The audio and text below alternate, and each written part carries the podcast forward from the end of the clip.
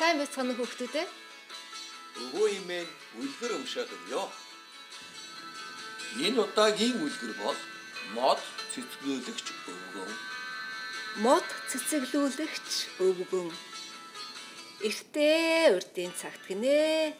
Нэг их сайхан сэтгэлтэй өвгөн эмгэн хоёр амьдран суудаг байжээ. Тэр хоёр насан туршдаа борив бохис хийлгүй ажилласан боловч хоёр идэхгүй хоосон хонохгүй хоног өдрийг өнгөрүүлдэг байж гинэ. Ингээд насан өндөр болсон хойноч бас л арайх гэж аж амьдралаа залгуулдаг байлаа. Хэдийгээр баян чинэлэг биш ч тэр өвгөн эмгэн хоёр өөдрөг тогтун яриатай инээд хөгжил дүүрэн зөөлөн дүлгөөн ааштай хөгшчүүд байсан гинэ. Тэр хоёр гидсэн хонхолцсон чихтэй орондоо орсон ч хүйтэн нойтонд даарч сутарсан ч эвтэй найртай хിവэрэл байдаг байла. Тэгээд өчүүхэн жоохон хоол олцсон ч нохоотойгоо хувааж иддэг байсан гин. Тэдний нохоо үнэнч ухаантай сайн нохоо байжээ. Нэг орой өвгөн эмгэн хоёр ногооныхоо талбайд газар хагалахаар очиж гинэ. Нохоо нь дагаж явжээ. Ингээд очисон газраа нохоо нэг хэсэг шиншилж гүйж явснаа савраараа газар малтаж эхлэвгэн эмгэн нохоогоо хараад За энэ маань яаж байгаа юм бол доо гэж хэлэхэд өвгөн Өө энэ яах вэ? Ойдаад л хийх юм олж ядж байгаа ни. гэжгэн эмгэн Гэхөвгөн хардаа энэ маань нэг их чухал зүйл олсон янзтай. Яавч зүгээр нэг тоглоом наадам биш тэгээ. гэж хэлээд нохоогоо чухам юу малтаад байгааг харахаар дөхөж очив. Өвгөнч бас эмгэнийхээ араас нохоон дээр очиж гин нохоо нь нилээд том нүх ухчаад бадрүүн дуугаар боргон хав хав гэдэл чимээ өгч байж гиндэ өвгөн нохооныхоо малтаж байгаа хэсгийг хүрзээрээ ухаж эхлэв. Асар удалгүй алт мөнгөөр дүүрсэн эрдэнсийн томоо гихч авдар гарч ирлээ гин өвгөн эмгэн хоёр бөөн баяр нохоогоо илэн ихлүүлж баярлан ингээд өвгөн эмгэн хоёр эрдэнсийн авдраа аваад гэрлүүгээ яв. Нохоо нь дээш цойлон эцдийнхээ нүрийг долоон эрхэлж нааш цааш дүүлэн харин өвгөн эмгэн хоёрын зэрэгэлдээ хөршийнхэн айлд атаархуу бөгөөд шуналтай өөр нэг өвгөн эмгэн хоёр амьдран суудаг байлаа. Тэр хоёр хөршүүдээ Эрдэнэсийн авдар олсон гэдгийг мэдчихжээ. Тэд хөршүүдээ Эрдэнэс олсонд баярлсан уу гэвэл огт үгүй.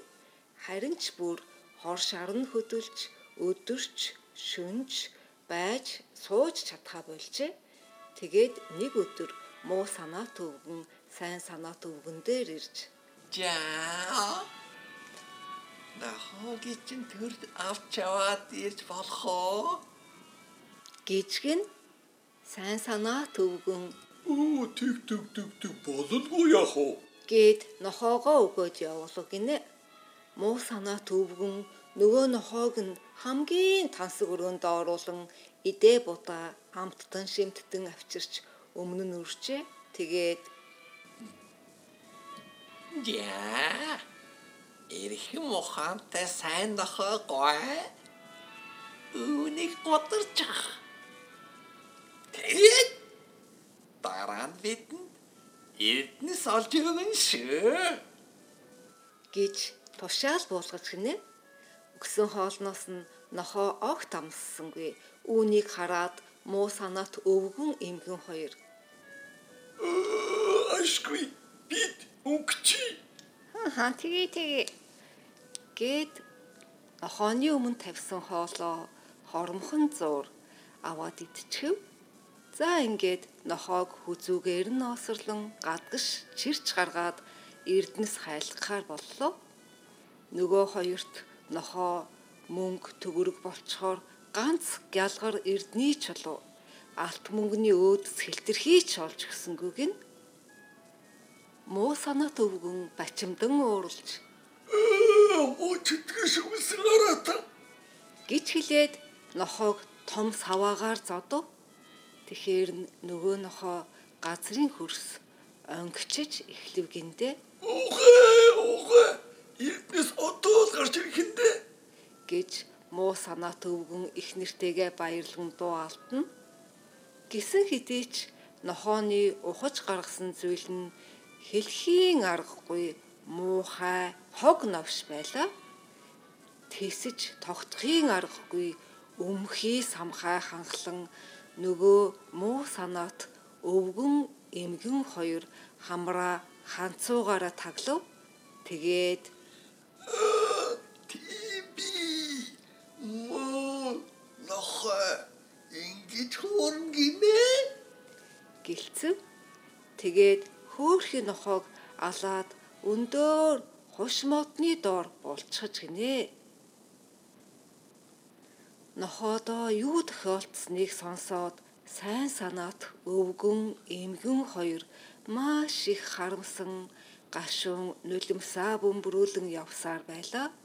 Тэгээд нохооныхоо шарил дээр цэцэг тавиад арц хүч уйгуулжээ. Сайн санаат өвгөн тэнд байсан хуш модыг цавчиж авчираад нэгэн модон сав хийж гинэ. Тэгээд модон савнда будаа хийж будаагаа үйрүүлэн нухаад цагаан будааны бов мочи хийж эхлэв. Хажууд нь хараад зогсож байсан эхнэр нь Хүүе өвгөө ямар сони юм бэ? Гэмэн сони юм а. Наад будаач нь алт болчих чи. химэн дуу алдав. За, үүнийг мэдсэн өнөөх хөршийн муу санаат өвгөн гэрт нь ирээд Модон совчин хэрэг болоод байна. Төр хэрэглүүлээч. гэж гуйв. Оо, тэр бололгүй яах вэ тэг. гээд сайн санаа төвгөн өнөөх модон саваа өгөөд явуулжээ. Муу санаа төвгөн модон савыг нь сугандаа хавчуулж гэртээ ороод хормохон зур будаагаар дүүргэв. Тэгээд маш хичээнгүйлэн цагаан будааны бов мочи хийж эхлэв. Тис жадсан ихнэр нь Алт нь гарч ирж байна уу? гэж асууна. Тэгээд өнгийч хараад Хэ. Юу ч алах шивдэ. гин тэгснэ Хөөй. Будааны ингээ өөрчлөгдөд байгаа юм шүү. гэж дуу алдав. Гисэн хэдий ч нөгөө будаа нь хөгцөрч муудаад хүн амтны аманд орохын аргагүй бохир заваан зүйл болж орхисон байлаа. Муу санаат өвгөн эмгэн хоёр Аа, энэ мочин хоорч сампайсан байш гэж. ярилцаад нөгөө модон савыг тэр дорн шатааж орхив. Сайн санаат өвгөн эмгэн хоёр ид шидтэй модон саваа шатаалгаснаа мэдэв. Тэд хөршийн хөнтэйгөө хэрүүл уруул болсонгүй харин буцах замдаа үнсийг аваад харжээ. Дүн өвлийн хүйтэн өдөр байлаа. Нүцгэн модод ёрдон нүд баясгах ганцч навч цэцэг байхгүй байлаа. Сайн санаа төвгөн нэгэн сакурагийн модонд авирч гарав гин. Тэгээд авч явсан үнснээсээ тасалж аваад дээш өргөн цацхад хоромхон зур нөгөө мод цэцгийн дэлбэгээр бүрхэгдэв. Сайн санаа төвгөн Ээ гэлээ. Болж байна, болж байна. Маш сайхан болж байна. гисээр баярлан модноос буугаад хааны ордны зүг чиглэв. Хааны ордонд очоод дааман хаалгыг нь зоригтойгоор нүтгэхэд юун хүн бэ? Яах гэж явсан бэ? гэж ордныхаа асууж гин. Оо. Би үгсэн модыг цэцгэлүүлдэг хүн байна. Хон хүүтэй уулзах гэж явнаа. гэж сайн санаа төвгөн хариулв. Сайн санаа төвгөн хаан хүүгийн Сакура, Гуилс, Интори моднуудыг нь цэцэглүүлж өгөв. Энэ өвлийн хорчиг торчиг үед дэлгэр хаврын баяр бэлсгэлэн бидэнд амсуулав. химэн хаан хүү учиргүй их баярлаж байла. Тэгээд хатнаа бас бүх шивгчин албатуудаа дуудан ирүүлж цэцэглэж дэлгэрсэн модтой бахархалтайгаар харуулв.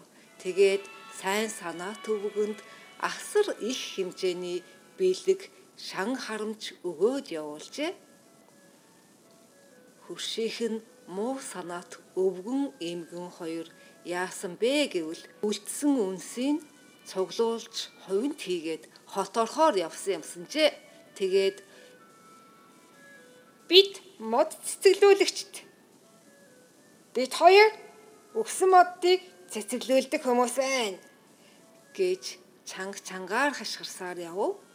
Хаан хүү дагалдагчдынхаа хамт тэр хоёрыг харахаар гарч ирв гинэ. Муу санаа төвгөн нэгэн модон дээр авирч гараад үнсээ цацав. Юу ч цэцгэлж дэлгэрсэнгүй. Харин ч үнсэн хийсч очоод хаан хүүгийн нүдэнд орчихов. Хаан хүү ихэд хилэгнэн уурлаж муу санаат өвгөн эмгэн хоёрыг ташуурдуулав. Ингээд муу санаат өвгөн эмгэн хоёр маш их айж сандарсаар гэрлүүгээ яран оджээ. Энэ өдрөөс хойш муу санаат өвгөн эмгэн хоёр өөрчлөгдсөн байхаа гэж найдаж байна. Харин тэдний хөрш нөгөө сайн санаат өвгөн эмгэн хоёрын хувьд бол дутагдах гачигдах зүйлгүй амар сайхандаа жаргасан юм гинлээ. За өвөөмэгийн үлгэрийн цагаар үлгэр сонссонд баярлалаа хүүхдүүд. Өвөө хүүхдүүдээс өнөөдрийн үлгэрийн талаар гурван зүйл асууя. Нэгдүгээр асуулт. Өнөөдрийн үлгэрт гардаг сайн санаат өвгөн эмгэн хоёр нь нэг амтнд хийж яддаг байсан тийм ээ. Тэд юу хийж яддаг байсан бэ?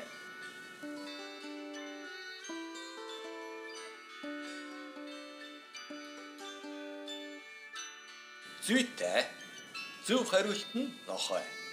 Өнөөдрийн мод цэцгэлүүлэгч өвгөн үлгэр бол Япон үлгэр. Энэ үлгэрт хэд хэдэн хувилбар байдаг. Өвөө эмээгийн үлгэрийн цагаар уншсан үлгэрийг Грэс Джеймс гэдэг зохиолч 1910 онд бичсэн. Паблик домен дах энэ хувилбарыг орчуулад хүүхдүүдтэй уншиж өгч байгаа юм аа. Дашрамд хэлэхэд хүүхдүүдээ нохой яаж дуугардаг вүлээ? Хав хав гэдэг шүү дээ. Тийм ээ. Харин англичууд хойг вуп вуп гэж хууддаг гин. Японочууд болохоор зөвхөн хойг ван ван гэдэг гэлцэн. За тэр яах вэ? За ингээд хоёр дахь асуултаа асууя. Сайн санаат өвгөн эмгэн хоёр тохойн юу олж өгсөн бэ?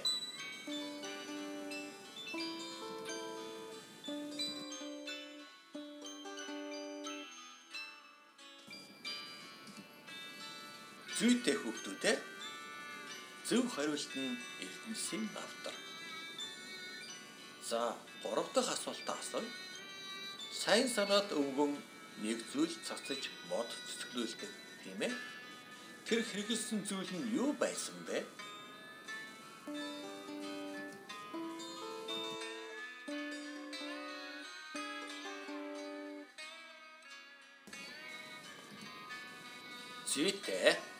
Зөв хариулт нь үнс модон савны үнс тийм ээ.